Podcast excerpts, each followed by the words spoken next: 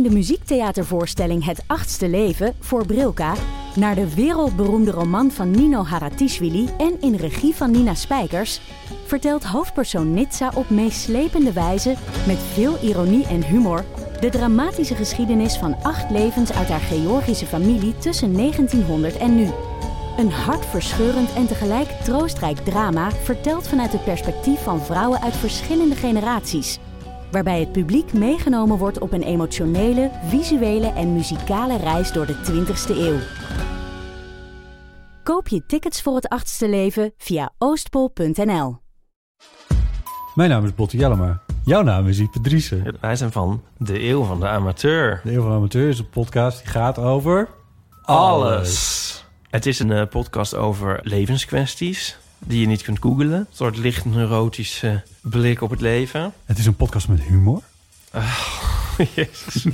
Kijk, een grapje. Die, die vragen durft te stellen en die je ook onbeantwoord durft te laten. Mooi. met een regenboogvlagje. Dat, dat noem je queer, botten. Dat an- eh, regenboogvlag, dat klinkt echt als een soort... Eh, ik bedoel, iedereen is welkom. Kom ons luisteren in je favoriete podcast-app. Dag hallo, lieve snuitenbeestjes van ons. Welkom bij Damn Honey.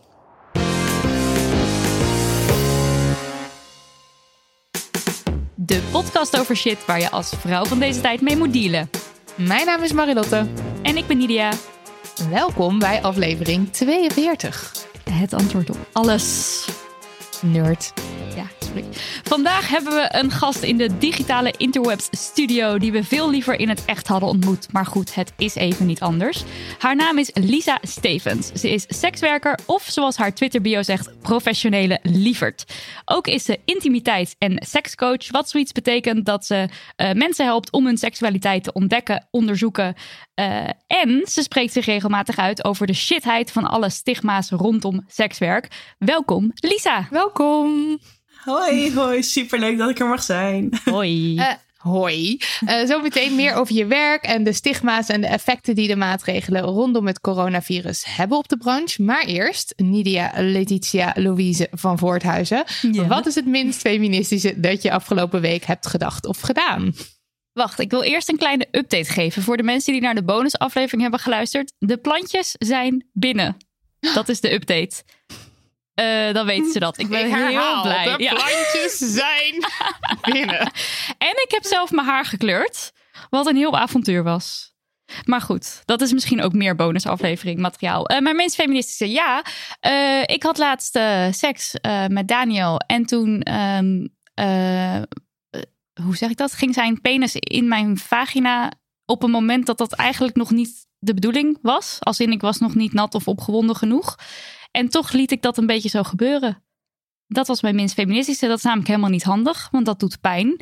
En op zich Ja. ehm, zou ik toch echt wel eh, moeten weten dat ik gewoon daarin kan zeggen van... hé, hey, eh, dit gaat iets te snel.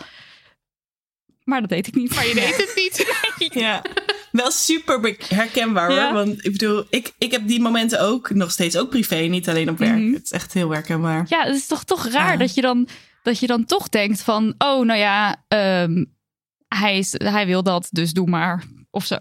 Ja, je wil dit moment ook niet verpesten. Ja, Ja. het, het zijn allemaal stomme... Want uiteindelijk creëer je een negatieve associatie eh, met die penetratie dan. Na één keer zal dat niet zo zijn. Maar als je dat blijft doen, dan wel. Precies. Ehm, ja, dat wil je gewoon niet. Dus algemeen voor je seks is het gewoon heel erg zonde. ja, en daarna doet. loop je dan weer met zo'n branderig gevoel rond. Helemaal niet fijn. Oh. Dus nou ja, dat was mijn minst Niet meer doen. feministische. niet meer doen, nee. Nee, niet meer doen. Ik had het wel daarna nog met Daniel erover gehad. Dus dat was dan wel op zich wel weer goed. Dat ik zei van, dat was eigenlijk helemaal niet handig. En nou ja. Eh, Marilot. Ja, eh, ik stond voor het eerst sinds lange tijd weer eens op een weegschaal. eh, een paar dagen geleden. En eh, toen moet, moest ik tot mijn spijt eigenlijk wel bekennen dat ik me een tikkeltje opgelucht voelde. Dat ik nog even veel woog als voor de quarantaine. Dus eh, er gaan, nou ja, je ziet op social media best wel veel van die, van die soort zogenaamde grappen langskomen. Van oeh, we gaan allemaal hartstikke dik worden tijdens de quarantaine. Want we komen het huis niet meer uit, bewegen niet meer. Eh, erg, erg, erg. En dat vind ik hele vervelende grappen. Ehm, ook om, want, want hoezo, wat maakt het zo verschrikkelijk als je dik wordt tijdens de quarantaine? We hebben wel andere dingen aan ons hoofd. Het is gewoon niet zo uh, belangrijk. Ik kan me sowieso erg over opwinden. Maar het viel me erg tegen van mezelf dat ik, uh, dat ik het blijkbaar toch nog wel waarde aan hecht. Dat, dat ik niet dik word of niet dikker word dan, dan ik mezelf al vind of zo. Geen idee. En ja, vond ik jammer. En ik moest denken aan uh, een post van uh, Tatjana, van Tatjana Almouli. Die heeft er ook al, uh, want zij, zij um, spreekt zich hierover uit ook. zij zegt, zij zei ook van, ja, al die opmerkingen en al die grappen die je nu lang ziet komen. Of zelfs die hele nare opmerkingen over bijvoorbeeld IC-bedden als er dan schaarste komt. Ja, de dikke mensen, die hebben het zelf gedaan. die hebben zichzelf ziek gemaakt. Daar is geen plek voor. Dat soort dingen. Dat ongenuanceerde uitspraken of kutgrappen. Uh, zij heeft daar een hele mooie post over gemaakt. Hoe triggerend dat kan werken. En hoe je dan in je schulp kan kruipen. En hoe dat misschien weer obsessieve gedachten over eten en zo op kan wekken. En ik herken me er ergens ook wel in. Want het is gewoon heel erg vervelend als daar de nadruk op gelegd wordt. En ja, dus het maakte, dat ene moment op de weegschaal maakte opeens weer heel veel los. En uh, dat vond ik, uh, vond ik vervelend. Mm, ja. Ja. Lisa. Dat was het. Lisa. ja, wow. Um, ja, uh, ik, mij viel het op. Um, ik organiseer nu uh, online meetings voor mensen die daar zin in hebben, die zich eenzaam voelen en gewoon behoefte hebben aan een gezellig avondje. Um, en daarbij uh, zit iemand die, die ik dan zie als vrouw, maar waarvan ik dus afgelopen week ben achtergekomen dat hij niet zo heel erg per se identificeert als vrouw. Um, maar ik bleef toch altijd nog uh, zij en haar zeggen. En eigenlijk ben ik me er dus pas ja, vorige week een beetje bewust van. En vind ik het dan ook nog ongemakkelijk om me dan te vragen van hoe moet ik daar dan... Hoe, hoe vind jij dat fijn om dat te doen? En daardoor merkte ik dus ook dat ik algemeen nog best wel binair ben in mijn uitspraken en jongens, meisjes denken. En ja, het viel me op. Ja, ik dus ook wel, wel. Af, en toe weet je, af en toe weet je ook niet zo goed hoe je dat dan moet vragen en wanneer dan. Het is misschien ook wel dat je dan denkt, ja, maar ik, ik, ik ken deze persoon nu al een tijdje en ik heb de hele tijd zij en haar gezegd en ik kom er nu zo na een tijdje achter dat dat dan misschien niet helemaal klopt en wanneer, wanneer vragen, wat is een goed moment? Is het, ja. is het überhaupt nog een goed moment? Had ik dit niet eerder moeten vragen? En wanneer dan? Allemaal ja, vragen die dan... Ja. ja. En al geheel, en ik, ik heb laatst een uh, online uh, seksuele voorlichting mogen geven. Uh, superleuk. Maar ik merk dan als er dan dus wat minder ruimte is, dat ik heel erg na kan denken over wat ik zeg. Dat dan vooral ook nog echt het jongens en meisjes. En dat ik dan heel weinig rekening hou met mensen die dan niet in die groep vallen. Mm, ja. En dat, ja, balen van mezelf. Ja, het zou gewoon fijn zijn als dit veel normaler is om daar eventjes naar te vragen van, oh ja, nou, nieuw groepie. Ja. Hoe willen jullie aangesproken? Waar, ja, dat zit er bij mij zelf ook nog niet altijd even goed in. Nee. Iets om, uh, om ja. ietsje meer mee bezig te zijn. Tijd voor post. Marilotte, geef je keel een ouderwets goede schraap en uh, ga, leest u voor. Oké. Okay. Komt-ie. Hey, lieve dames van Damn Honey. Allereerst wil ik zeggen dat ik altijd ontzettend geniet van jullie podcast. Ik vind het heerlijk om op deze manier mijn horizon te verbreden. Het voelt nu ook als even om advies vragen bij mijn feministische vriendinnen. Da. Lief. Ik heb een vraag over de volgende situaties. Op een of andere manier kom ik vaak in contact met mannen die al een vriendin hebben, maar alsnog seks met mij willen. Ik weet niet waarom mij dit altijd overkomt. Heeft het een naam? Is het een ziekte? Hoe kom je ervan af? Hier staat een uh, knipoog achter. Alle gekheid op een stokje. Soms heb ik seks met die mannen, soms niet, soms één keer, soms vaker. Ik ken vaak de vriendin in kwestie niet. Ik interesseer mij in feminisme, maar ook in verschillende vormen van relaties, zoals open relaties of polyamorie.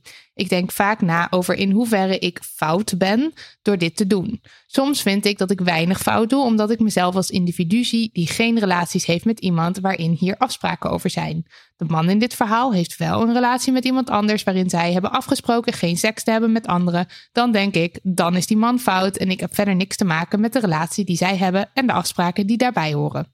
En daarna denk ik, ja, maar je hebt er wel een aandeel in. Je geeft die man wel de kans om vreemd te gaan. Wat zou je ervan vinden om in die vriendin haar schoenen te staan? Vervolgens vraag ik me dan weer af of dat dan echt mijn verantwoordelijkheid is. In hoeverre heb ik invloed op zijn gedrag? Als hij het niet met mij zou doen, zou hij het wel met iemand anders doen. Op een of andere manier doet dit argument me altijd denken aan het wel niet eten van vlees. Mensen die zeggen, ja, alsof ik een verschil kan maken als ik dit vlees niet eet. Iemand anders eet het dan wel op. De vraag is of je er een aandeel in wil hebben. Misschien. Hoe denken jullie hierover? Groetjes, anoniem. Hoe denken jullie hierover? vraag. Nou, ik denk erover dat ehm, iedereen een eigen verantwoordelijkheid hierin heeft. En dat het niet aan jou is. eh, je bent niet de slechte persoon of zo op het moment dat je dit doet, vind ik. Dat is mijn mening. Ehm, kijk, die man die maakt uiteindelijk die keuze. En het, do- het doet me ook een beetje denken aan het concept van de femme fatale. En dan als de man dan verleid wordt, dat hij daar dan op geen enkele manier meer nee kan, tegen kan zeggen vanwege het slaaf zijn van de hormonen. Eh, dus de, de slechte vrouw die erop, die erop uit is om relaties kapot te maken of zo. Ik bedoel, die man die kan toch ook gewoon nee zeggen of, of afwimpelen of ehm, de stap niet maken. Ja, ik vind dat die verantwoordelijkheid echt bij hem ligt hierin. Ehm, ik ben zelf ook wel eens vreemd gegaan. Zeg maar ikzelf, maar ook degene met wie ik dat dan deed, die had ook een relatie. Dat was niet netjes. Dat geef ik ook toe. Ik snap ook dat het niet een ethisch iets eh, is. Maar goed, het is een keuze die ik gemaakt heb waar ik eh, in principe nog steeds wel achter sta. Ook al is het misschien niet iets waar ik het meest trots op ben. Maar ik vind wel dat het allebei onze eigen keus was. En dat ik ehm, mij over mijn eigen vreemd gaan, dat is een ander ethisch iets dan over zijn vreemd gaan. Want dat was zijn keus. Dat is wat ik eh, ervan vind. Ja, precies. Daar, daar ben ik het mee eens. Ik vind het sowieso nooit, nooit de verantwoordelijkheid van degene die geen, geen relaties heeft, zeg maar, aan wie, wie, de, wie de relatie niet heeft en die die afspraken ook blijkbaar niet maakt.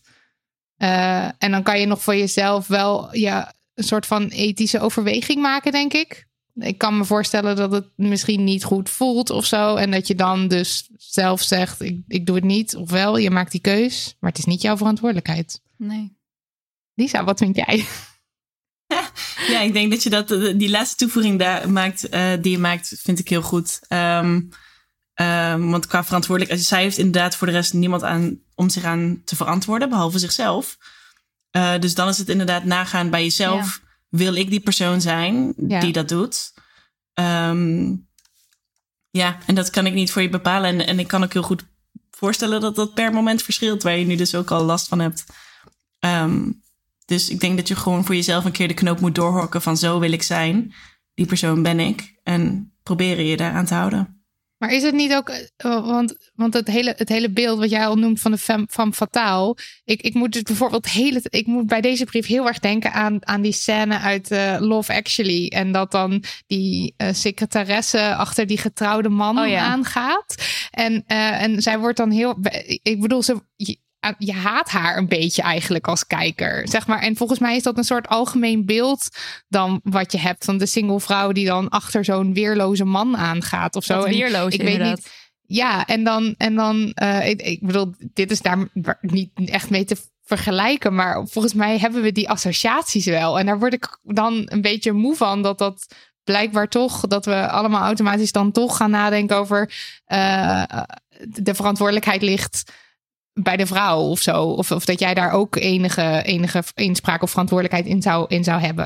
Maar dat, ja, nou ja, dat was nog even een over. Ja, en nou, het roepen mij sowieso ook allerlei gedachten en ideeën op over het idee van monogamie en het idee van de ware. Wat we natuurlijk wel heel erg meekrijgen in de maatschappij, weet je wel, in boeken en films en zo. Van nou, en dan eh, ze leeft er nog lang en gelukkig dat. Ehm, ja, waar ik vind dat je daar wel een stuk realistischer naar mag kijken. Dus ehm, ik weet nog helemaal op het begin, toen Daniel en ik een relatie kregen, dat we daar al heel snel een gesprek over gehad hebben. Van hey, we vinden elkaar superleuk, maar je weet niet hoe het gaat zijn. Je weet niet wie je tegen gaat komen. En dat kan bij wijze, volgende, bij wijze van spreken volgende maand kan er al iemand langskomen waarvan je opeens denkt van wow, ik ben opeens helemaal weggeblazen. Dat vind ik een heel leuk iemand.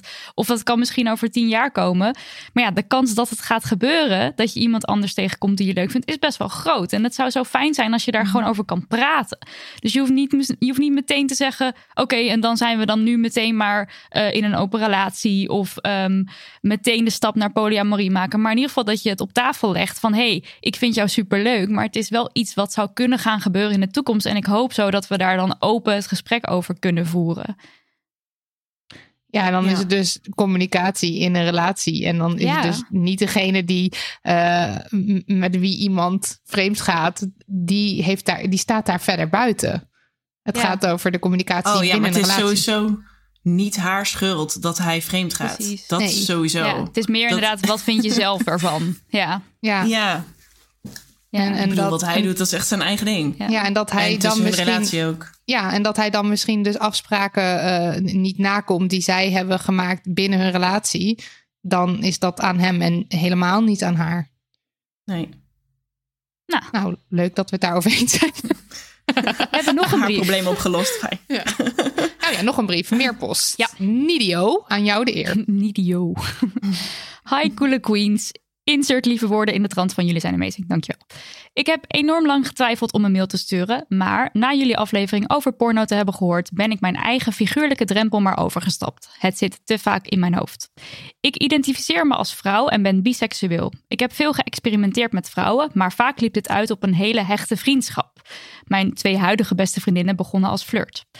Vorig jaar heb ik een kortstondige relatie gehad met een vrouw. Alles aan haar klopte, maar ik voelde het echt niet. Ik heb in mijn leven een aantal langere relaties gehad met mannen. Momenteel zit, ik in een relatie met, niet dat ik daarin geloof, maar om even de omvang van mijn gevoel aan, over hem aan te geven, de liefde van mijn leven. Hij is gigantisch open-minded, zelf ook biseksueel, heeft prachtige lange haren en een vrouwelijke manier van doen. Zijn vrouwelijkheid wint me ontzettend op. Soms beeld ik me tijdens een vrijpartij in dat ik de man ben en hem neem. En dat vind ik supergeil. Ik ga mijn vraag kort samenvatten. Ik zit met een koppijnverzorgende stress over mijn seksualiteit.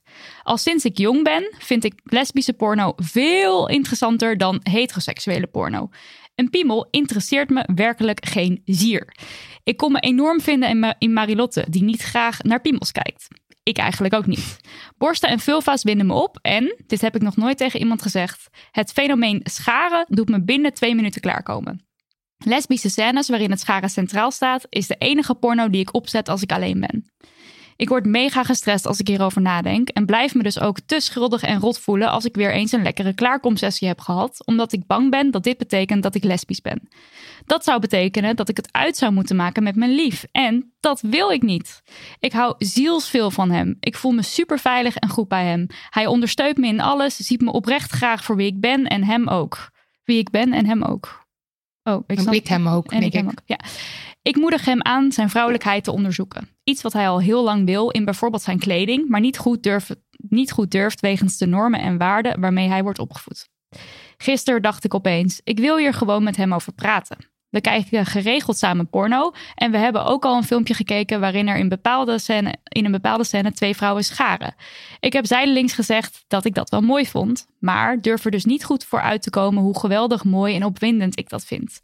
Ik heb überhaupt heel lang nagedacht dat het heel raar is dat ik dit geil vind. Omdat ik ook heel vaak lees dat lesbiennes dit helemaal niet doen. En het meisje met wie ik samen was, zei me rechtuit toen ik aanstalten maakte dat hier nog nooit iemand van was klaargekomen. Ik dacht, hoe kun je dat nou weten?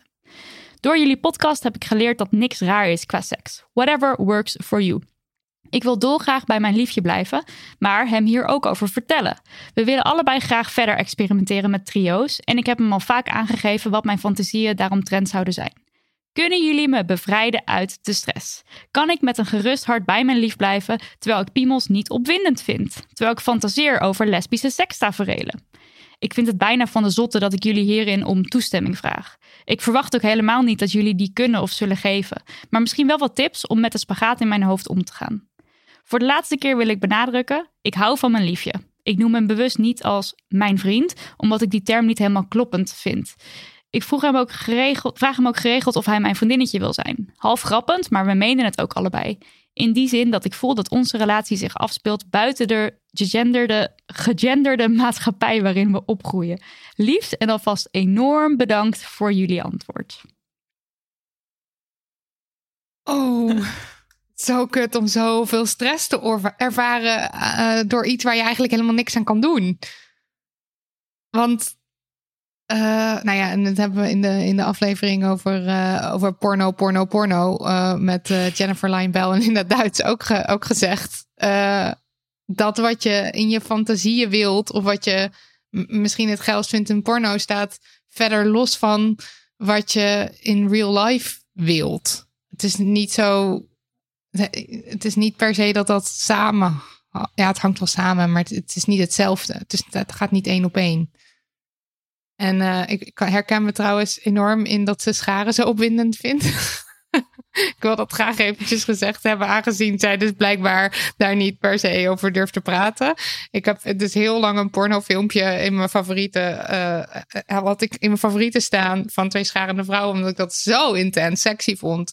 Ik ben hem helaas kwijtgeraakt. Ik weet niet waar het filmpje is gebleven. Maar Oh. ik kan hem niet meer vinden. Maar ik vond dat dus echt super sexy. En eh, alleen als ik eh, zeg maar zelf scharen bijvoorbeeld, vind ik dan weer echt niet te doen. Daar krijg ik dan de slappe lach van. Dus ehm, eh, dat is ook weer zoiets. Blijkbaar kan ik dat in mijn hoofd dus wel heel sexy vinden. En in het echt doet het me eigenlijk weer niet. Het is ook weer een voorbeeld van dat dat dus he- helemaal niet per se hetzelfde hoeft te zijn. Maar ja, Ehm, het is. Het wordt een beetje een monoloog dit, maar het is natuurlijk heel jammer dat we eh, dat wat we geil vinden in porno en geil vinden in ons hoofd niet zo goed kunnen scheiden van wat we geil vinden in de slaapkamer. Of waar we, eh, want, want het klinkt gewoon alsof zij heel veel van haar partner houdt. Alsof hij ook heel erg open-minded is. Alsof hij totaal geen waarde hecht aan verder alles wat zeg maar traditioneel als mannelijk of vrouwelijk bestempeld wordt. Alsof, alsof ze prima met hem kan praten. En eh, ja, wat, wat zijn jullie gedachten hierover? Ja, wat mij vooral opvalt is dat eigenlijk ehm, ze toch op zoek is naar een kader waar ze in past dan. Eh, terwijl heel haar verhaal is gewoon geen kader. En dat is eigenlijk voor haar partner en voor haar, zoals het klinkt, heel erg goed. Ze Ja. zijn allebei open, ze kunnen erover praten.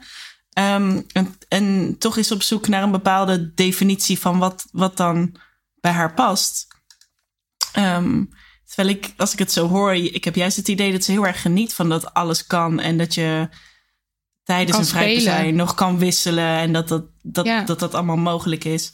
Wat ik Maar heel ook, de- ook, snap. ook dat haar partner dat leuk vindt. Het is dus niet alsof Ja. ze beschrijft, eh, nou, eh, die vindt het allemaal niks. Maar eh, dat, is, dat is niet aan de hand hier. Ja. Maar Ja. ik, vind- ik heb wel, eh, want het, is al, het was een tijdje geleden dat deze brief gestuurd was. Dus ik heb een, eh, om- een follow-up gevraagd. eh, hoe het nu gaat met haar. Want het liep me wel niet los dat ze er zoveel stress eh, ehm, van kreeg. Dus ik zal de follow-up eventjes even voorlezen. Ik heb er inderdaad met mijn partner over gepraat nadat ik jullie deze mail had gestuurd. Dat was heel fijn. Hij vond het absoluut niet raar. Dus dat is top. We hebben zelfs een keer samen lesbische porno gekeken terwijl hij me befte. Dat was nog een beetje onwennig, omdat ik merkte dat ik die twee dingen, seks hebben met een persoon en porno kijken alleen, nog heel erg als twee verschillende dingen zag en het moeilijk vond ze bij elkaar te brengen. Maar wel heel leuk dat dat kon. Het is toch iets raars, hè? Onze individuele en persoonlijke verhouding met porno. Precies. Eh, de connotatie die het met het stiekem heeft. Ik denk ook dat ik zo hard aan mezelf twijfel soms, omdat er nogal een taboe hangt rond biseksualiteit. Een groot deel van mijn vriendengroep is gay. Met hen kan ik er moeilijk over praten. Er lijkt soms zo'n stigma overheen te hangen van het is de fase voor je erachter komt dat je eigenlijk gewoon volledig gay bent. En zo worden biseksuelen ook vaak weergegeven in series, heb ik het gevoel. Meer biseksuele representatie met drie uitroeptekens. En ik denk dat is daar, want jij, jij hebt het over een kader. En volgens mij is dat inderdaad het geval. En we denken omdat er zo weinig biseksuele representatie is, is dat kader op een of andere manier denk ik heel vaag of onduidelijk of zo. En hebben we er allemaal meningen over. Dus er zou gewoon veel meer zichtbaarheid moeten zijn. Dat zou volgens mij al zo erg helpen. Eens. Ja, eens. Nou, lovely. Ja, en ik vind dat nou, je bent. Ik vind het heel goed dat ze ook al eh, met hem gepraat heeft. Dat ze het eh, aangedurfd heeft om het gesprek eh, aan te gaan. Omdat ze dat toch Ja. een beetje spannend vond. En ik vind dat eigenlijk heel fantastisch allemaal. Ik vind het ook fantastisch. En ik wilde jullie jee, biseksuele representatie. Meer daarvan. Want het is Ja, super fucked up dat dat niet gezien wordt als iets wat is, maar als een, een, een, een fase. Ugh. Het is maar een fase. Ik haat, Ja. ik haat die uitspraak. En al die eisen waar je aan moet voldoen. Ja. Ja, terwijl, terwijl je het dus gewoon super leuk hebt met je partner. Terwijl je volgens mij fantastische, leuke seks hebt. En dan, en dan dus omdat de maatschappij van alles denkt en wilt en het gevoel heeft dat het op een bepaalde manier moet, bezorgt het je stress. Dat is echt zo jammer. Ja. Ja. Voordat we het dieptegesprek induiken, mogen we eerst nog even fangirlen over onze favoriete winkel. Uh, we hebben namelijk een nieuwe sponsor. En het is er een die de vaste luisteraar niet onbekend is. De speciaalzaak met veel kennis over condooms en glijmiddel. En alles voor leuke en veilige sexy time. De Condomerie. Eerder maakten we al eens een twee uur durende aflevering met condomologen Theodor en Kalja. Omdat we zo razend enthousiast over de winkel en hun expertise zijn. Maar nu mogen we dus officieel reclame voor ze maken. Wat erg geweldig is, want dankzij de condomerie kunnen we dus deze podcast maken.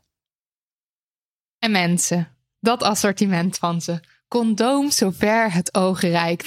Glijmiddel druipt van de muren. Je leeft gewoonweg niet lang genoeg om je er een weg doorheen te seksen. Ja, maar even dat glijmiddel, dat druipt er dus niet letterlijk van de muren. Want dat is nou juist zo fijn van de condomerie. Het is een super fijne open winkel waar je je heel erg op je gemak voelt. Eigenlijk direct als je binnenloopt. En de mensen achter de toonbank, die kijken bovendien nergens raar van op. Dus je kan zonder gêne al je vragen aan ze stellen. En stel vooral een hele moeilijke, want daar gaan ze heel lekker op. Ja, en helpen je dus met liefde bij je zoektocht naar het perfecte condoom. Want hoe beter de maat, hoe lekkerder en hoe veiliger je sexy times. Ja, toen ik zelf, uh, wat is het nou, een paar jaar geleden op zoek ging naar een fijn condoom voor uh, Daniel en mij. Toen ging ik daar dus heen. En toen legde ze een enorme map zo op de toonbank. En toen gingen we overal langs en alle materialen voelen en alle vragen uh, beantwoorden. En een meetlintje mee. En het was gewoon zo'n fijne open sfeer daar. Dat je, dat, dat je al die vragen gewoon kan stellen. Dat was ook heel anders dan ik van tevoren gedacht had. Ik vond het toch een beetje spannend en een beetje eng om zo open over piemels te praten.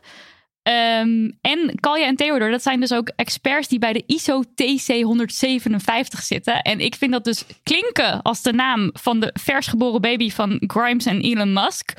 Maar het is de internationale conferentie waar op wereldniveau de norm bepaald wordt rondom condooms. Dus dit zijn echt, deze mensen weten echt alles wat er op dit moment te weten valt over condooms.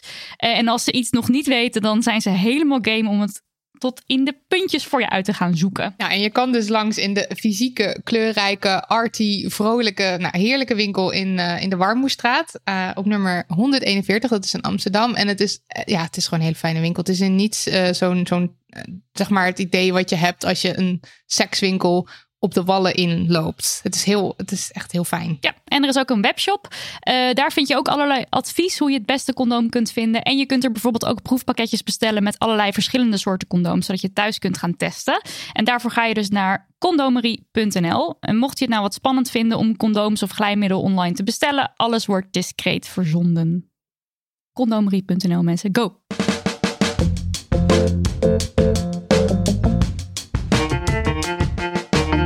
Moeten het even hebben over sekswerk. Sekswerk is werk, maar zo wordt het nog altijd niet gezien door heel veel mensen.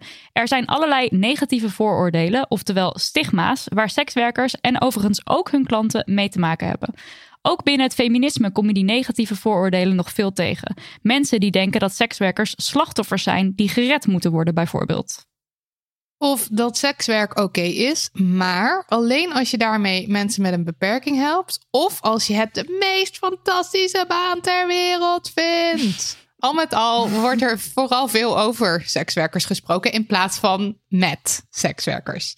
Uh, Lisa, Jij komt vandaag een aantal aannames en mythes onderuit trappen voor ons. Waarvoor nu al dank.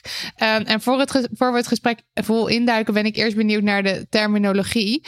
Uh, want we hebben het nu over sekswerk en over sekswerkers. Maar dat zal niet voor alle luisteraars een gangbare term zijn. Um, andere woorden zoals uh, prostitutie of escort service. Daar zijn denk ik mensen wellicht meer bekend mee. Um, jij kunt natuurlijk niet spreken namens alle sekswerkers, maar hoe denk jij persoonlijk over de terminologie als het gaat over jouw vak?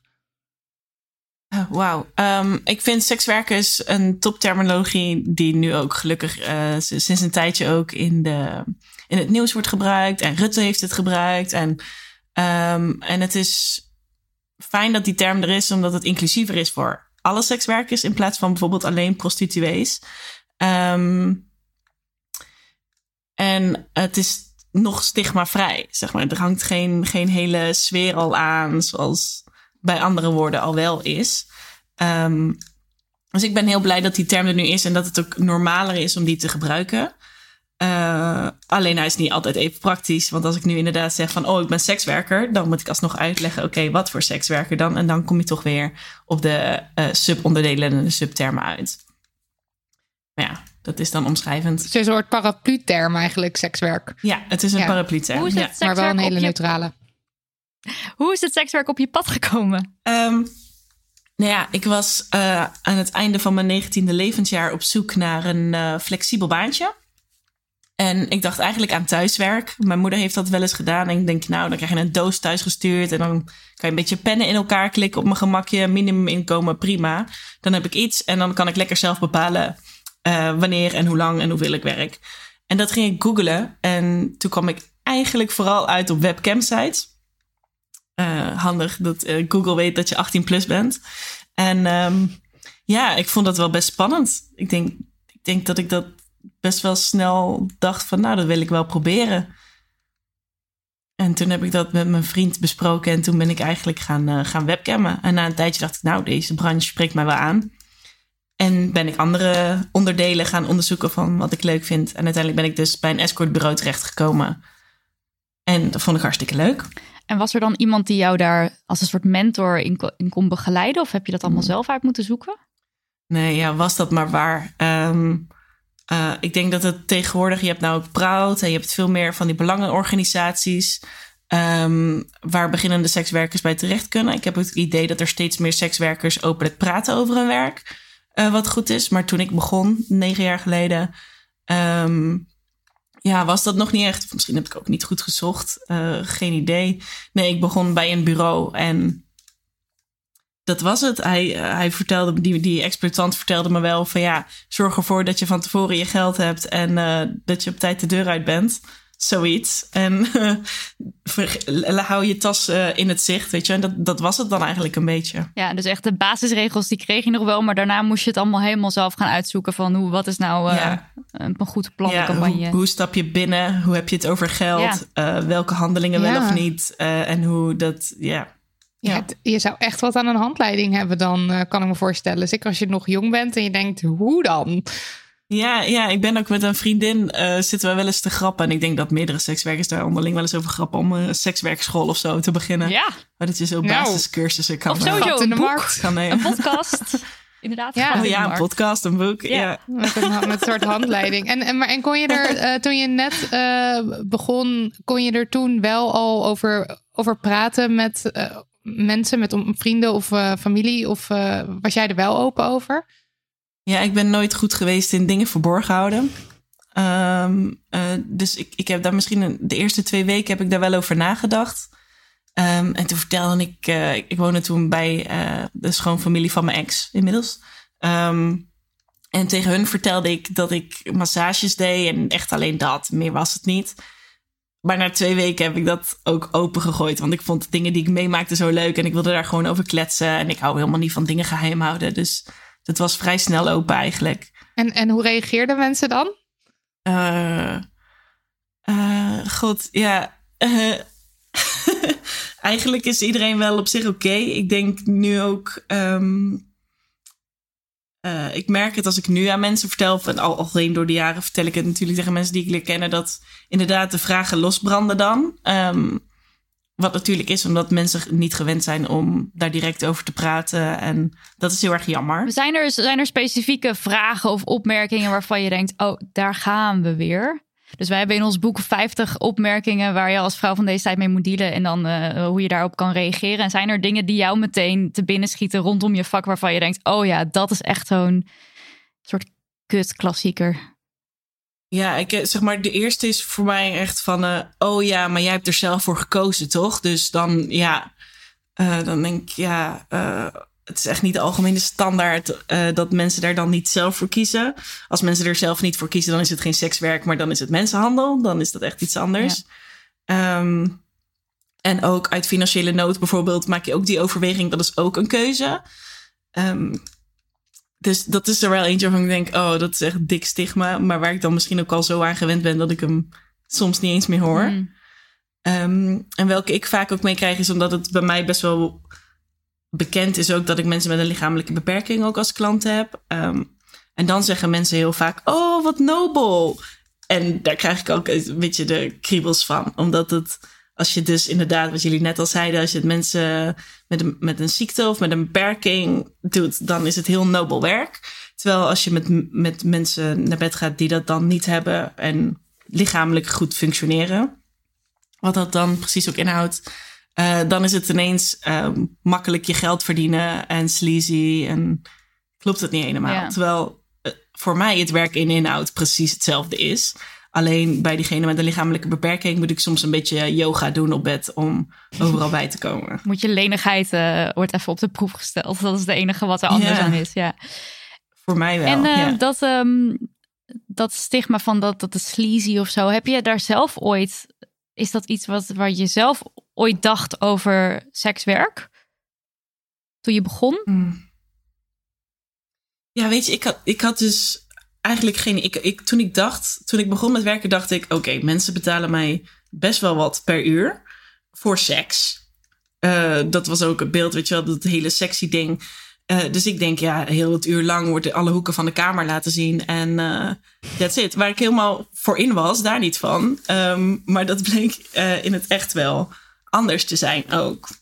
Het gebeurt wel, maar het is niet mensen. Eh, ik denk dat mannen die neiging ook wel veel hebben om seks te gebruiken om bij intimiteit terecht te komen. Omdat veel mannen nog niet openlijk kunnen zeggen: Oh, ik heb echt behoefte aan een knuffel en even een goed gesprek. Dus dan hun seks is dan een middel om daar toch bij te komen. Eh, dus vaak, vaak is het dan wel seks. Maar daar zit dan nog zoveel meer omheen waar, waar een persoon als mens gewoon behoefte ook aan heeft. Eh, en ik heb dus gemerkt dat ik, dat ik dat ook heel erg leuk vind. Ja, dus het, wa- het was dus niet voor jou dat je allerlei vooroordelen zelf al heel erg... ehm, ja, dat je er negatief naar keek of zo. Ja, ik had wel. ehm, ja, in, in de branche noemen ze dat de horarchie. En dat is eigenlijk de hiërarchie die je dan onder sekswerkers onderling ziet. De hoor. Eh, en de, de horarchie. ja. En ehm, dat, had- dat had ik wel. Dat had ik wel. Want ik dacht, oh ja, maar ik ben escort. Dus eh, ik mag. Ik, ik heb het luxe. Terwijl dat echt niet per se altijd zo was of is. Ehm, maar ik kan dan dit. Ik kan mezelf mijn klanten. En dat ik daar dan toch ook wel een soort vooroordeel over had. Eh, en dan, zeg maar, als je de horgie hebt, dan heb je bijvoorbeeld high class, zou dan volgens mij een beetje het hoogste zijn. En de straatsekswerker is dan het laagste Ja. in die horgie. En die hebben het slecht en, en oh, de junkies. En, ehm, en dat was wel een voordeel wat ook ik had. Hmm. Ehm, ja, wat gewoon echt niet bleek te kloppen. Ik bedoel, je hebt, je hebt weet je, de, de mix. Ik bedoel, er bestaan sekswerkers die het doen om hun drugsgewoonte ehm, te kunnen bekostigen.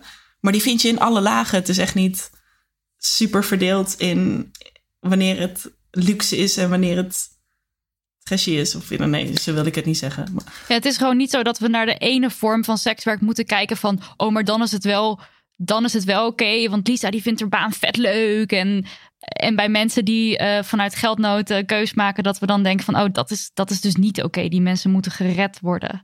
Ja, dat sowieso niet. En dus ook dat ehm, die sekswerkers zijn ook verdeeld over de verschillende soorten sekswerk. Het is niet dat mensen uit geldnood alleen maar straatwerk Precies. doen. En, want er zijn ook straatwerkers die het fijn vinden om juist op straat te werken en niet moeten denken aan het escortwerk. Ja, ja. Ja, en er zijn natuurlijk ook high-end high-end escorts die misschien een verslaving te onderhouden hebben of zo. ja, ja.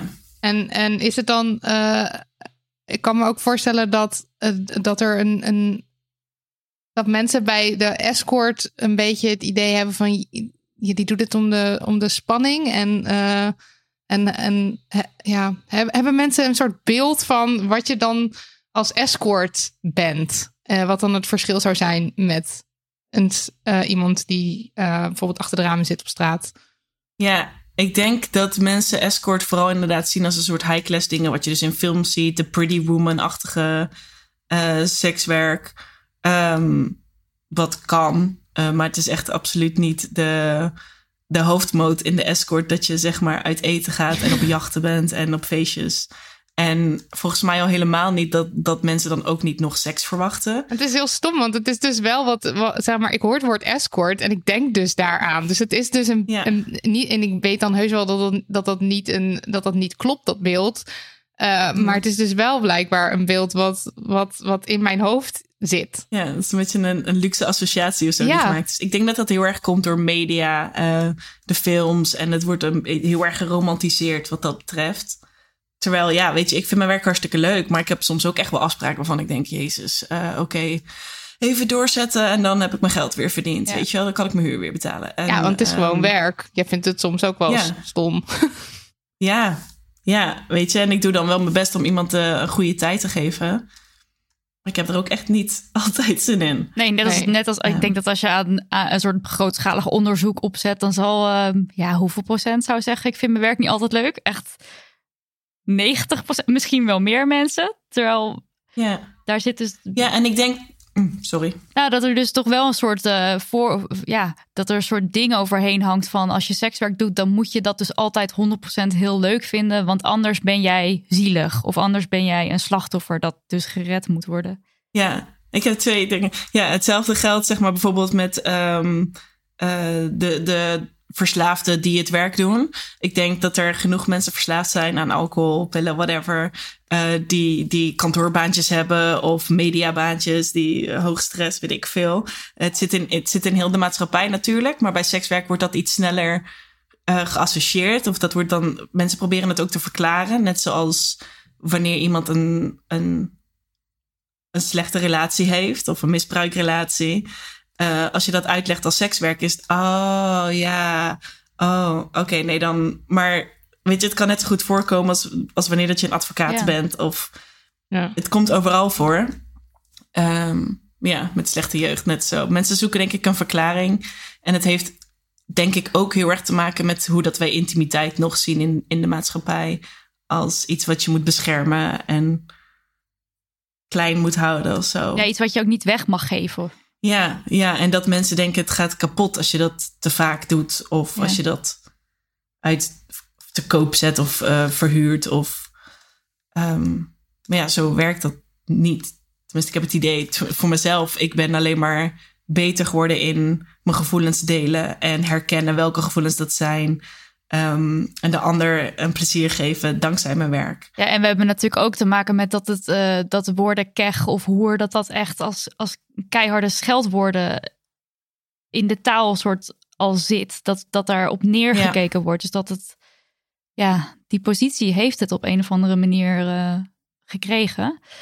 Ehm, over dat ehm, het idee van sekswerk is, is geen werk. Dat staat eigenlijk, dat is niet normaal werk. Kan je daar iets meer over vertellen, over dat stigma? Ja, veel mensen zien het dus dan, dat het dan als een uit de hand gelopen hobby eh, is. Dat je van je hobby je beroep hebt gemaakt. Ehm, wat allemaal leuk is. Het is nog steeds een beroep dan. Dus als je iets bedrijfsmatigs doet, dan is het nog steeds gewoon werk. Ehm, ja, en voor mij eh, was het heel erg... Ik heb daar heel lang last van gehad, omdat ik het zelf ook dus niet zag als werk. Als echt werk. Dus ik gunde mezelf ook niet de tijd om ervan bij te komen of me echt voor klaar te maken. Ik heb zelfs een periode, want ik heb zelf ook een, een escortbureau eh, gerund. Ik ben een eh, exploitant geweest voor een tijdje. En dat ik dan overdag dus alle afspraken regelde en administratie en zo. En s'avonds was mijn ontspanning, dan had ik escortwerk. Oh ja. Want dat was toch leuk en gezellig. En Maar dat was ook je Ehm, werk. Ja, en het is dan wel leuk en gezellig, maar het is inderdaad nog steeds werk. En het is best wel intensief als je iemand voor een bepaalde tijd jouw volledige aandacht wil geven. Ja. Ehm, maar ja, destijds zag ik dat niet zo. En ook in grenzen, ehm, denk ik, door het niet zien van het als een echte dienstverlening. En dus ook niet dat je jezelf kan ontwikkelen daarin. Dus heel lang is mijn werk een beetje zo hetzelfde gebleven. En ik ben nu gelukkig bezig dan ook met dat coaching. En kijken, de podcast, weet je, al andere dingen en talenten die ik in wil zetten. ehm, en wil kijken hoe ik daarin kan groeien. Ehm, maar het idee is wel heel lang geweest van, oh, je bent sekswerker en dat is het werk. En er zit geen groeimogelijkheid in of zo. Omdat het niet echt als een carrière gezien wordt. Of ik, ik zag het niet echt als een carrière. Ehm, terwijl ja, weet je, je moet best wel veel dingen kunnen. Zeker als je zelfsstandig werkt. Ehm weet je, klantenservice, e-mails beantwoorden. eh, de afspraken doen, de advertising, jezelf een beetje zorgen dat je voldoende Beetje lekker neerzetten. hebt. Ja, Ja. ehm, website bouwen, weet je, die shit heb ik zelf gedaan. Ja. Ehm, De Belastingdienst. eh, de belasting. Op. Altijd kut. Oh. Voor iedereen. Ja. Ja, en dan inderdaad ook dus de, het leren wat, wat je in de zorg wel veel ziet. is het leren van je eigen grenzen bewaken. Dat je weer op kan laden. Want emotioneel werk is gewoon best wel zwaar werk. Ehm, ja, ik, ik heb daar heel lang geen aandacht voor gehad. En ik heb het idee dat er überhaupt weinig aandacht voor is voor sekswerk algemeen. Het wordt denk ik in een groot. Ik, ik zie het in, het in de sekswerk community zie ik het zeker wel natuurlijk. Ehm, maar ik denk in de maatschappij zelf is het, oh ja, hup, even makkelijk geld verdienen. Ja. En wordt daar niet bij stilgestaan dat dat energie kan kosten. En dat je zorgvuldig met jezelf om moet gaan. Enzovoort, enzovoort. En dat is inderdaad dan ook heel gevaarlijk voor jezelf, omdat je daar dan misschien in meegesleurd wordt in dat idee, terwijl dat dus niet zo is. Want je moet gewoon Ja. op jezelf letten. Ja, Ja. ja. En het stigma, eh, het, het slachtofferdogma. Nou ja, het meest schadelijke daarvan vind ik dat daar de wetgeving vooral op bepaald wordt. Dus naast dat, dat dingen gewoon echt genuanceerder zijn dan, ehm, dan het loverboy verhaal van oh, een meisje wordt versierd, krijgt een cadeautje en dan oh, uit schuldgevoel ga je werken. Vaak lopen die dingen ehm, veel genuanceerder. Eh, ik heb bijvoorbeeld ook mijn, mijn vorige relatie ehm, was echt geen goede relatie op het einde. Waarvan je kan zeggen dat hij misbruik maakte van het geld wat ik verdiende als sekswerker. Ehm, maar, maar het is niet zo geweest dat hij mij gemanipuleerd heeft om het werk te gaan doen. En dat hij me onder druk zette. Ehm, dingen zijn gewoon echt veel genuanceerder dan, dan dat. Bovendien, mensen die daarin zitten, als je in die situatie, je ziet jezelf niet als slachtoffer. Dus, dus je gaat daar dan ook niet ehm, die hulp voor zoeken. Of je voelt je niet gehoord als mensen tegen jou zeggen: eh, Ja, je wordt gewoon gebruikt en je wordt gewoon gemanipuleerd. Want zo, zo zit dat niet. Door dat stigma ben je men, minder snel geneigd om juist over de problemen te praten, omdat mensen het al van tevoren een soort van op je drukken. Ja, dus het is een, het is een soort visuele, visueuze cirkel. Je, je bent een, Ja. een sekswerker en er is het stigma. En door dat stigma ga je ook niet, treed je ook niet naar buiten en vraag je niet om hulp. Nee, je wil misschien En dus- zelfs juist wel gaan bewijzen dat het niet zo is. Ja, Ja. ja. ook. En, ja. en, dan, en, dan, en dan gaat het eigenlijk de verkeerde kant op. Terwijl je zou, gewoon naar, je zou er gewoon over moeten kunnen praten. Zonder dat er ja, eh, allemaal meningen en allemaal vooroordelen zijn. ja. En eh, waar ik benieuwd naar ben is, want eh wij, wij praten dan nu over sekswerk. Wordt sekswerk door de wet of in de wet wel als echt als werk gezien of niet? Want kijk, dat, dat we in de maatschappij allemaal vooroordelen hebben, dat is één ding. Maar is het voor de wet wel al goed geregeld? Nou, je, je ziet dat zeg maar de, de wetgeving van sekswerk valt onder justitie en veiligheid. Strafrecht dan ook. Dus niet onder de arbeid. Ja, dus daar, daar plaats je het eigenlijk al in de schimmige hoek. Ehm, en dat komt voort vanuit het verleden. Ik weet ook niet of dat het zo makkelijk is om, dan, om dat dan verplaatsen naar gewoon de, de arbeidsministerie. maar Ja.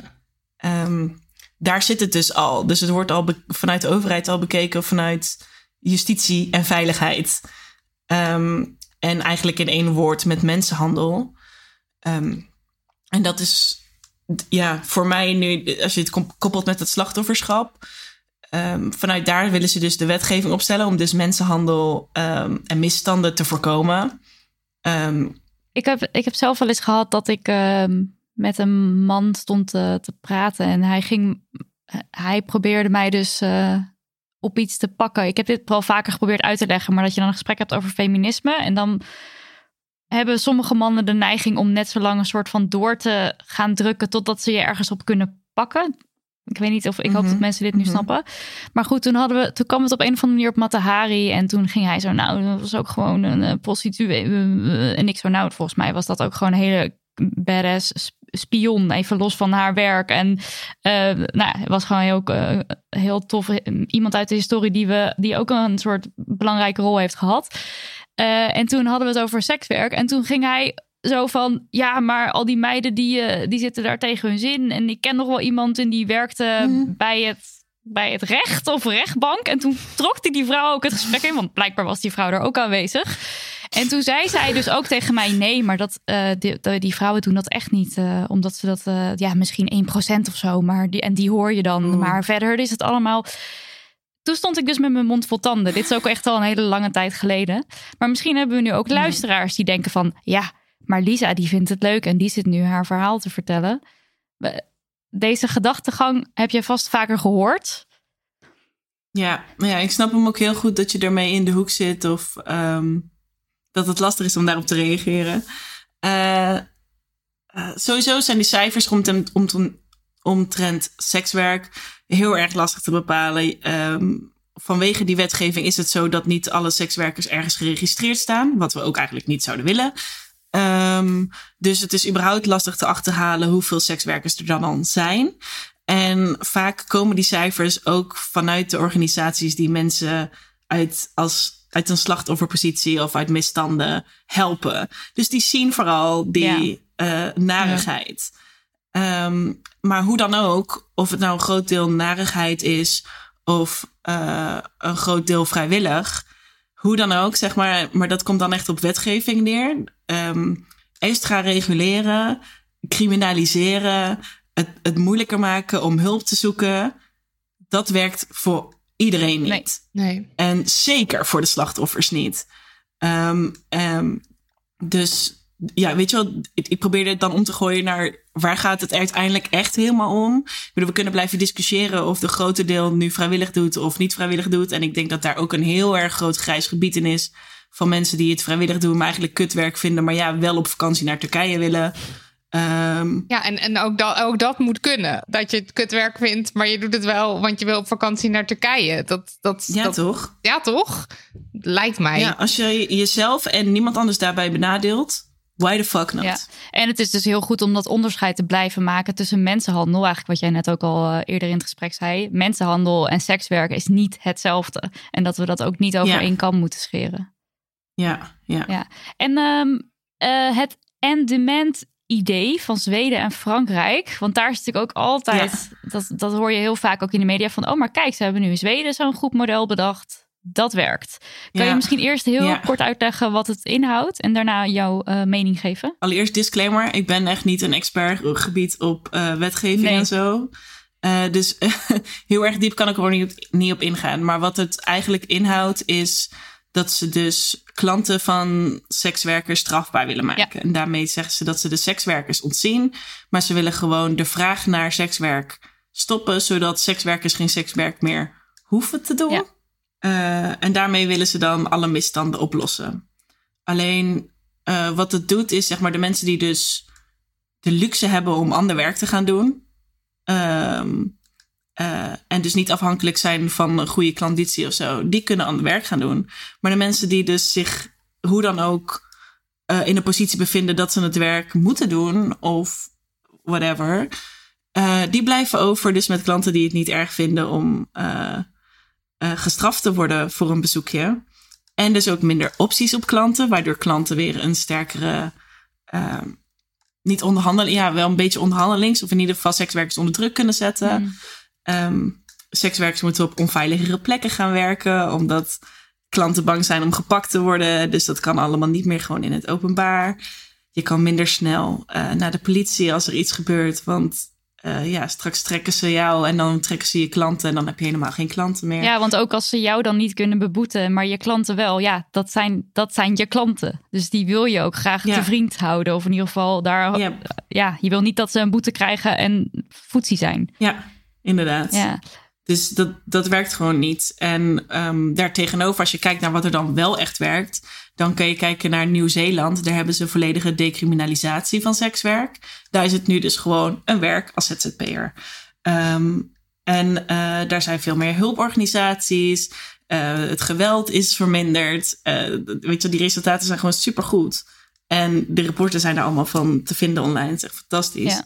En je zit het nu dus ook even koppeltje naar de corona nu, zeg maar. Mm. Um, dat de sekswerkers daar gewoon dus als ZZP'er um, gelijk al recht hebben op zo'n financiële vergoeding. En dus niet vanuit het idee van, oh shit, ik moet wel geld verdienen, want anders heb ik niks. eh, toch door moeten gaan werken. Ja. En want hoe zit het hier in Nederland met de, met de coronaregelingen? Een bruggetje. Ja, Ehm, soepel. mooi. Ja. Ehm, de, de, in de wetgeving in Nederland heb je over het algemeen dat de meeste sekswerkers via opting-in werken. Eh, tenzij je als volledig zelfstandig sekswerker werkt, dan heb je een KVK. En dan moet je dus ook je- geregistreerd zijn. Dan moet je Ja. dus geregistreerd zijn. Wat ook een probleem Eh, is, toch? klopt. Ja, kan je eerst, ja, sorry dat ik jullie onderbreek, maar kan je eerst kort uitleggen Nee, waarom goed. dat registreren ook een probleem is? Niet voor iedereen, maar Ja, vanwege, de, ehm, vanwege het angst op stigma en de kans op stigma. En eh, wat er gewoon, eh, gewoon wel is. Eh, De, veel sekswerkers doen het soms gewoon even voor tussendoor. Je hebt sekswerkers die het doen om een studie te betalen. Die later misschien nog, weet ik veel, in de journa- journalistiek of de politiek willen. Of leerkracht. Weet je, er zijn gewoon allemaal nog beroepen en dingen waarvan je reëel kan zeggen van... goh, als het dan uitkomt dat ik sekswerker ben geweest... dat kan mijn carrière wel eens eh, tegen gaan zitten. Dat is helaas gewoon nog een reëel ding. Eh, ehm, dus daarom zijn er veel sekswerkers die zeggen van... ja, bij mij hoeft dat niet eh, ergens in de gemeente op record te staan... ja, dat ik sekswerker voor ben. iedereen ook op te zoeken en met een adres erbij.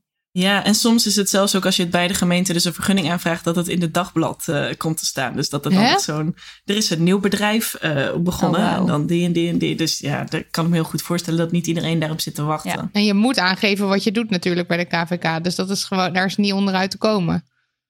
Ehm, ja, je hoeft niet direct, direct sekswerk te zeggen. Eh, dat dan weer niet. Maar als je dus een vergunning aanvraagt bij de gemeente, dan eh, is dat Ja. weer wel. Maar ja, niet iedere gemeente geeft een vergunning aan een zelfstandige. Dus dan moet je weer een exploitant zijn. Ja, het, is, het, is ook nog Word echt je gewoon niet makkelijk gemaakt als... eh, Nee, nee. nee, nee, nee. Oké, goed. Dus dan heb je al. Dus sommige mensen die hebben wel een KVK, andere mensen die doen opting, opting in. Opting Ja. in. Ja, en dan werk je dus bij een exploitant. Eh, wat dus een club of een escortbureau kan zijn. Eh, en het is een fictief dienst, dienstverband. eh, destijds voor de belasting een beetje gemaakt volgens mij. En het zorgt ervoor dat je niet volledig zelfstandige bent, maar ook niet volledig in loondienst. Wat er nu dus voor zorgt dat je geen recht hebt op de ene financiële tegemoetkoming en ook geen recht op de andere. Dus superveel sekswerkers die zitten in één klap zonder werk. Maar kunnen ook nergens terecht voor eh, financiële tegemoetkoming. En ook hier krijg je natuurlijk dat eh, de sekswerkers die de luxe hebben om eh, wat anders te gaan doen, die gaan iets anders doen. En de sekswerkers die zich dat niet kunnen veroorloven, om wat voor reden dan ook, die Ja. gaan nu door. Terwijl dat heel gevaarlijk kan zijn. Of, zeg, of is het te kort door de bocht? Nee, dat is inderdaad zo dat je het kan zien. Het is een keuze maken tussen. ehm, eh, of, weet je wel, geen boodschappen kunnen doen, want ik heb geen direct inkomen.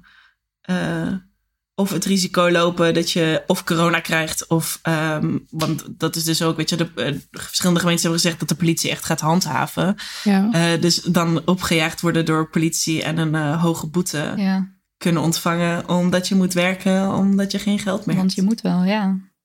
En is dat opting in, is dat specifiek bedacht ook voor sekswerkers? Of is dit, is dit een soort constructie die bij andere beroepen... Zijn er meer mensen die in deze categorie vallen? Ja, volgens mij is het toen na 2000 bedacht na het bordeelverbod. Oké.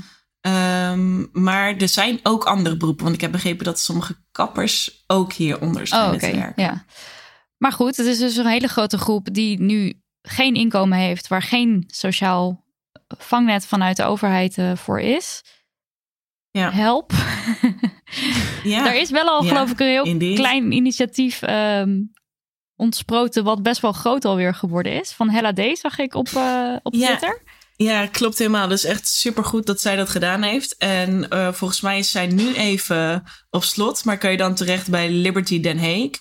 En voor de transsekswerkers is er nog eh, via Trans United Europe een, ehm, een fund beschikbaar, had ik gezien.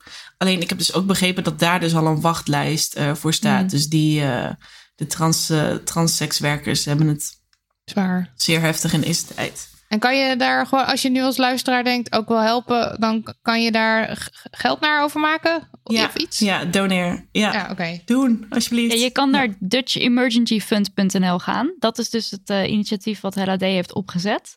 En ik zie daar ook eh, het Tra- Trans United Europe eh, wordt daar ook genoemd. En dan kan je dus een bedrag invoeren en eh, ja, geld overmaken voor mensen die dus in, in acute geldnood nu zitten.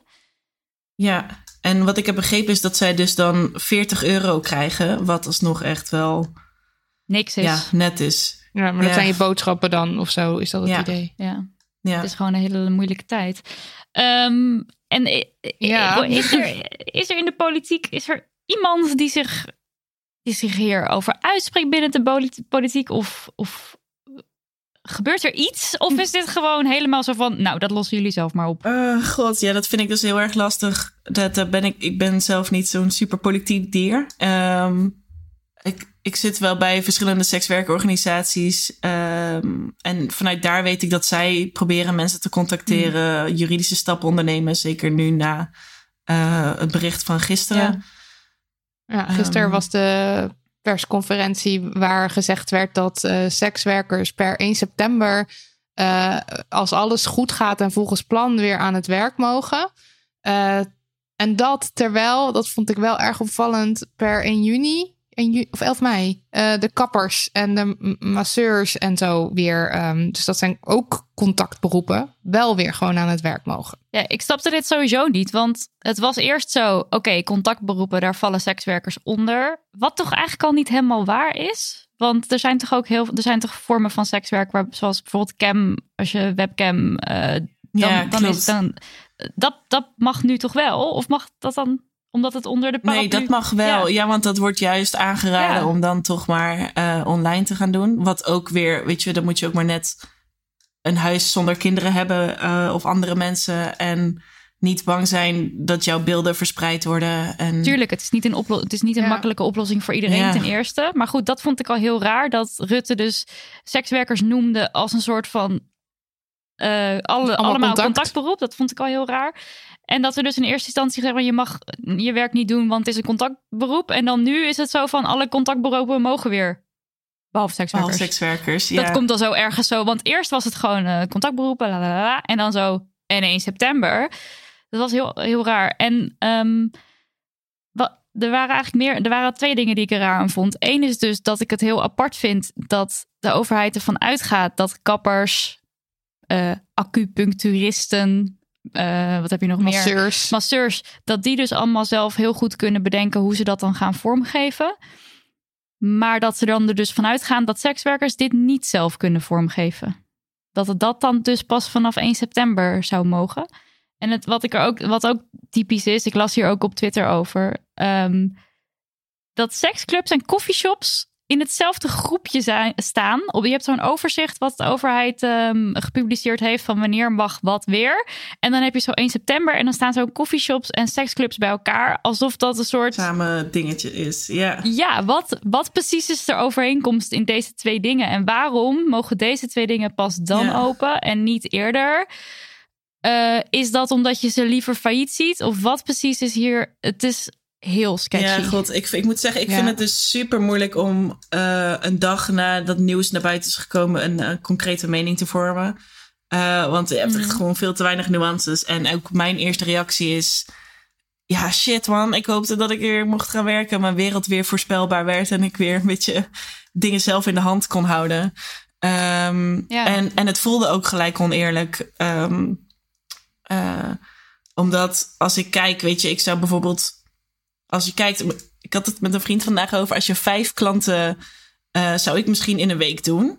Eh, en een kapper heeft dat misschien in twee uur.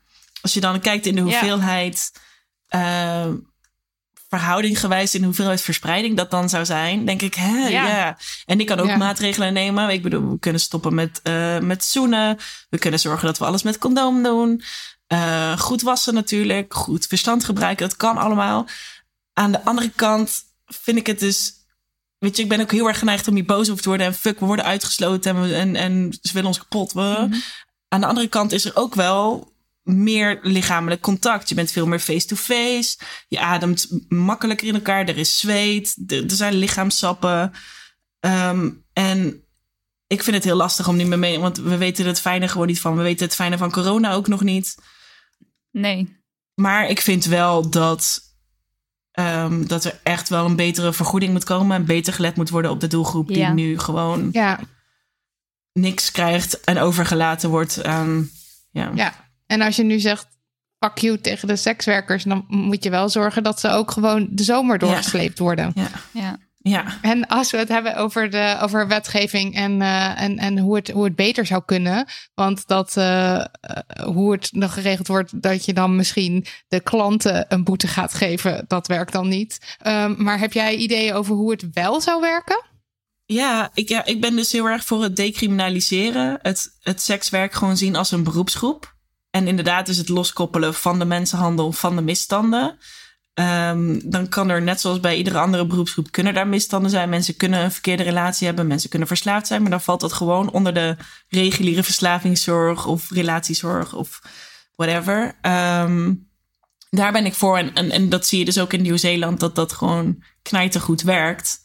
Ehm, Ja. en weet je, gewoon als wij als maatschappij ook sekswerk gewoon als werk gaan behandelen, dan verandert die tendens ook gewoon van, oh ja, het is gewoon werk. En hebben mensen ook gewoon automatisch van, oh, daar moeten we respect voor hebben of daar moeten we gewoon mee omgaan.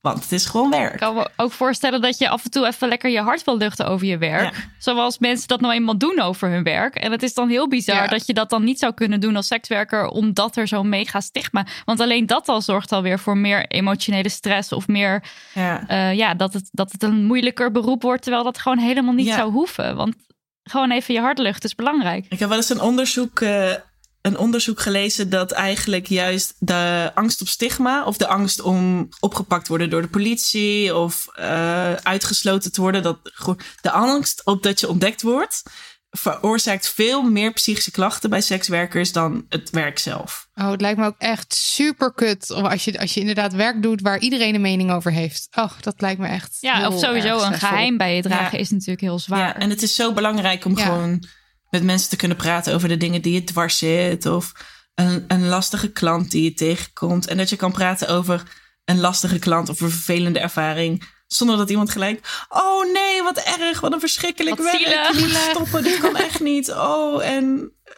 kwaad. Ja. Ja, terwijl dat ook helemaal niet de reactie is als ik eh, even mijn hart lucht over, ja, weet ik veel. Ik, ja, Marilotte is zo'n vervelende collega en eh, weet ik veel. Ja, dan, dan gaat iemand joh. ook niet meteen Oh, zeggen van je moet nu stoppen. Wat erg dat je kan podcast, niet. dat kan toch niet? Dus je je ziel zo verkoopt.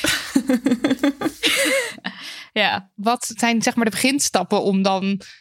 Ik weet niet of je daar ideeën over hebt, maar wa- wat zouden de beginstappen zijn om het beeld te veranderen of om nou, iets van een verandering teweeg te brengen? Want het klinkt gewoon allemaal nu heel kut. En het lijkt me dat dat dan beter moet. Ehm, nou, je ziet al, weet je, je ziet al steeds meer communities vormen, eh klankbordgroepen. En eh, dat is al super sterk. Gewoon plekken waar dat sekswerkers gewoon open kunnen praten over de dingen die ze meemaken. Dat is super belangrijk. Ehm, ja, natuurlijk ben ik voor eh, als je. Als je die ruimte hebt, als je merkt dat je een veilige omgeving bent, of dat je een vriendin hebt, of vrienden hebt, of whatever, waar dat je over kan hebben. Weet je, hoe meer sekswerkers zichzelf laten zien, hoe beter. Met de disclaimer dat het absoluut niet moet. Je moet je niet onder druk gezet voelen om uit de kast te komen of het te vertellen. Als het voor jou absoluut niet veilig voelt of Ja. dat je denkt dat er consequenties zijn. Absoluut niet. Ehm, maar ik denk wel dat er gewoon verschillende representaties nodig zijn. Net zoals bij queer mensen. ehm, eh, die je nu, weet je wel, veel meer ziet in films en series en interviews. En eh, representatie is gewoon heel belangrijk. En dat geldt voor sekswerk net zo.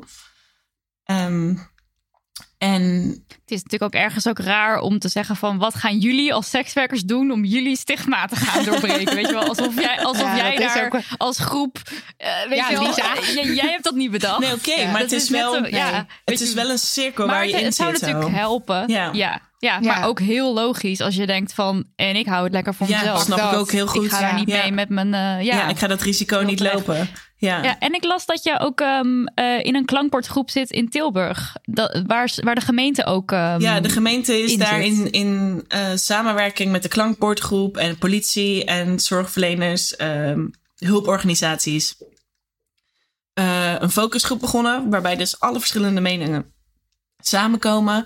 En we samen kijken naar welke problemen zijn er concreet, waar willen we eigenlijk heen en wat zijn de beste oplossingen. Dat is echt een geweldig initiatief. Ja. Maar dit klinkt dan weer echt fantastisch. Ja, maar er, Ja. Zijn, er zijn zeker goede dingen eh, gaande. Ehm, ja. Maar we zijn nog lang niet daar.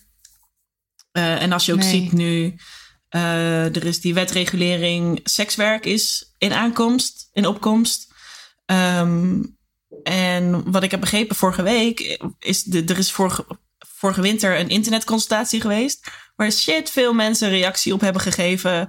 eh, van hallo, pas op met deze wet. Dit gaat waarschijnlijk juist meer problemen veroorzaken dan voorkomen. Eh, weet je wel, 80% van, van die ingestuurde reacties ehm, waarschuwden eigenlijk voor de wet. En nu is dus die internetconsultaties zijn gewoon aan de kant gelegd. En die werd dus nu doorgestuurd naar de Raad van State.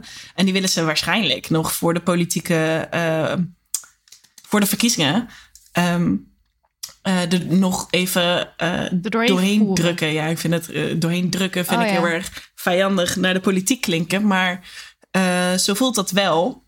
En dat is een wet, ja. En dit is net zo'n wet als dat je dus je klanten strafbaar maakt? Het is iets genuanceerder. Ehm, het, het wil iedere sekswerker een vergunning opleggen. Waarbij dat je dan in een landelijke database terechtkomt. Nou, door eerder gehoorde redenen Ja. zijn er heel veel sekswerkers die dat niet willen. Ehm, dus heel veel sekswerkers zullen dan gedwongen zijn om onvergund te gaan werken. Wat neergezet wordt als illegaliteit. En dan als je al in de media hoort illegale sekswerker, dan klinkt het eigenlijk al gelijk als crimineel en klopt niet. En oké. Ja. Ehm, en klanten die daar dus dan eh, gebruik van maken, die willen ze eh, strafbaar maken. Dus het is een beetje nog een tussenweggetje, maar het gaat er heel erg naartoe. En veel sekswerkers zullen dan dus gedwongen, gepusht eh, in die illegaliteit gaan. Ook echt heel nasty. Zo wel online gaan vragen. En dan het gewoon aan de kant schuiven. Als je Ja, ik, dus iets terug hoort wat je niet terug wil horen. ik weet ook niet wat die motivaties zijn geweest om dat eh, zo aan Ja. te pakken. Heel vreemd. En eh, nog even over het feminisme. Want helemaal op het begin zei ik in de introductie al dat er mensen zijn die zichzelf, eh, ja, die zichzelf zeggen van hé, hey, ik ben een feminist, maar ik vind dat sekswerken niet oké Ja. is. Voel jij je buitengesloten als eh, binnen het feminisme? Nee. Nee, ik heb juist eh, veel shit geleerd van het feminisme. Eh, maar dat komt omdat ik feminisme, denk ik, via sekswerkers op, eh, op Twitter ben tegengekomen.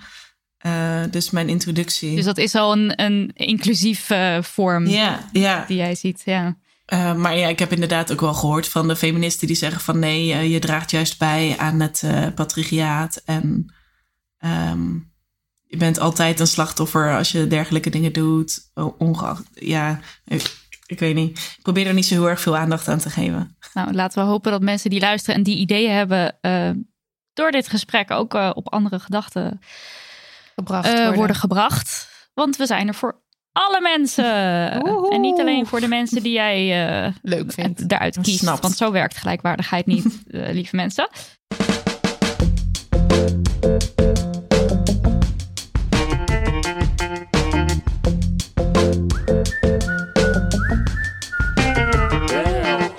Oké, dan gaan we door naar de yes en no. Ja. Eh niet ja, de no. Ja, eh, mijn no speelt zich af in Hongarije. Want de president daar, Viktor Orbán, misschien hebben jullie al eens van deze ontzettend nare klaphark gehoord. Die heeft eh, de chaos rondom het coronavirus eh, aangegrepen om er een wet door te drukken. Dit keer kunnen we dat wel redelijk eh, gewoon zo noemen. Want ehm, er is namelijk een nieuwe wet aangenomen waardoor geslachtswijziging onmogelijk is op officiële documenten. En dat betekent dat trans mensen dus niet meer een nieuwe naam of een ander gender op hun paspoort kunnen zetten. En ik las hier een stuk over in de NRC eh, door Emily van Outeren. Ik zou het ook eventjes in de show notes zetten. En daarin komen ook een paar trans mensen aan het woord die aangeven van ja, als ik naar het postkantoor of de apotheek ga, dan moet ik mezelf legitimeren. En dat, dat levert dus allerlei uh, ongemakkelijke, misschien ook soms gevaarlijke situaties op omdat het niet overeenkomt met hoe ik eruit zie. Um, sowieso is natuurlijk zo'n document bij je dragen, terwijl dat niet is wie jij bent. Dat is sowieso denk ik al een verschrikkelijk gevoel. En dat Orbán dus nu deze situatie gebruikt om even zo woep zijn eigen uh, eh, LBTIQ plus uh, haat eigenlijk ja, groter te kunnen maken. Dat vind ik uh, een ontzettende damn honey no. En echt ook wel heel eng. Um, wat ook David Vig, ik weet niet of ik dat goed zeg, maar nou ja, zo spreek ik het even uit. Dat is de directeur van Amnesty Hongarije. Wat hij er ook over zegt, is dat het een vorm van provocatie is, ook van uh, Orbán. Hij zegt: Wanneer internationale organisaties en media er schande van spreken, wordt dat hier uitgemolken voor propaganda. Dus zo van: terwijl wij de pandemie, een pandemie aan het bestrijden zijn, wint de EU zich alleen maar op, op over genderrechten. Dus dat het daar ook weer voor gebruikt wordt. En het is zo nasty en sneaky. En ik denk dat het uh, goed laat zien dat we met z'n allen echt scherp moeten blijven op al dit soort dingen. Eigenlijk ook, het doet me ook heel erg denken aan uh, coffeeshops pas open in september. Sekswerk uh, pas weer vanaf 1 september. En oké, dat ligt wel misschien genuanceerder, genuanceerder. Vooral ook met sekswerk, wat je net ook al zelf zei, Lisa. Van ja, het komt toch ook wel echt intiem contact. En het ligt misschien niet zo makkelijk. Maar het is toch typisch dat dan die twee groepen zo helemaal op het eind pas weer uh, mogen. En of daar dan een soort politieke agenda achter zit van weet ik, het CDA of zo van, nou ja, dat vinden we toch al niet zo heel chill. Dan laten we ze nog eventjes spartelen. Ik weet niet. Ik vind het, um, we mogen met z'n allen echt wel even goed op gaan letten wat er allemaal gebeurt. En dit is dan niet in uh, Nederland, maar goed, dat is alsnog iets waar we wel ons over uit kunnen spreken. Dus dat is echt een damn money no. Uh, ja, enorm. wat mij betreft. Marilot. Ja. Een yes. Oké, ik uh, had wat overweging. Ik heb, ik heb even zitten twijfelen of ik het een yes moest noemen, maar um, ik, ik doe het wel met wat slagen om de arm.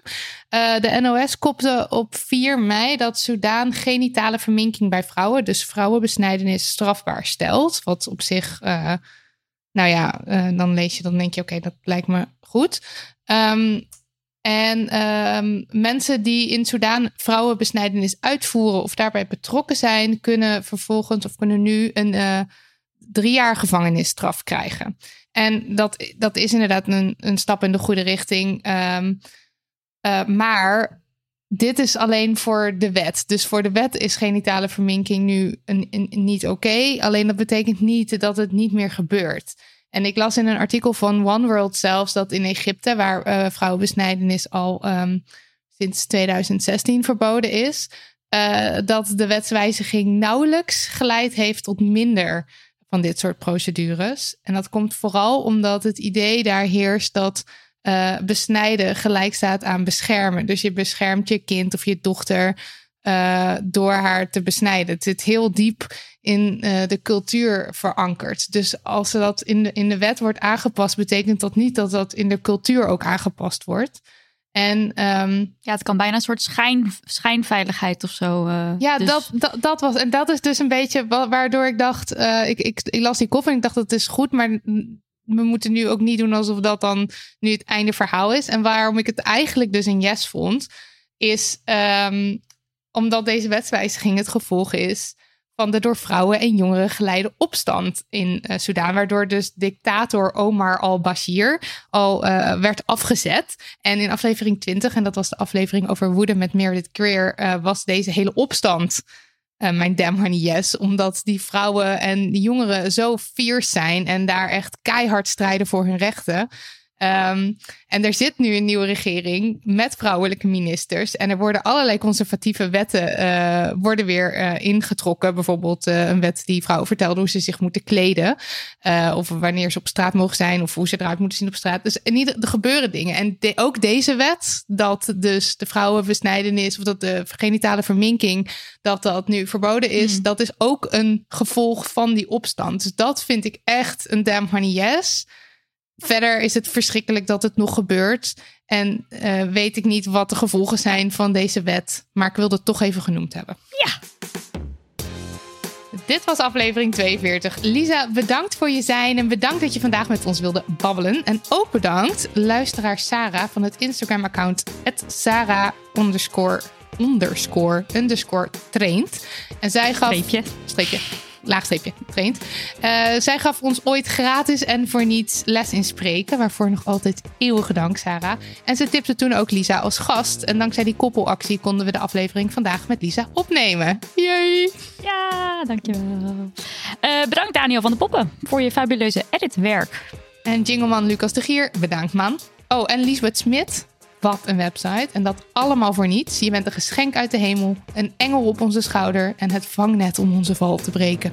Prachtig. Lieve luisteraars, wat fijn dat je weer luisterde. Dit valt dus nu in het niet door jouw poëtische uh, er nog der. Liesbeth. Geheel terecht overigens. Maar luisteraars, jullie zijn natuurlijk ook fantastisch. Heb je een verhaal, een vraag of iets anders leuks? Mail naar info.damhoney.nl Ja, en wil je ons supporten? Geef een eurotje of twee via petje.af slash damhoney. Of recenseer je te pletter, want daardoor stijgen we lekker in die rankings en dat willen we. Of niet. Zelf weten. Kan ons het schelen. Voor de record, het kan ons dus wel degelijk schelen. Oh, trouwens, eh, we lezen ook alles. En ik zat dus net, ik zat op bol.com te, te scrollen vanochtend. En toen stond er een nieuwe recensie eh, bij ons boek Heb je nou al een vriend? Door iemand die als naam honingbal had gebruikt. En helemaal enthousiast. Ah. En toen, nou, ik heb een uur gejankt van blijdschap. Dus het kan ons wel degelijk schelen. Ja, dus doe maar gewoon wel al die Ja. recensies. Ja, nee, zelf weten. Doei. Doei. Nog even over die grootse en epische muziektheatervoorstelling. Het achtste leven voor Brilka is een marathonvoorstelling van 5 uur. Koop je tickets voor deze bijzondere theateravond via oostpol.nl.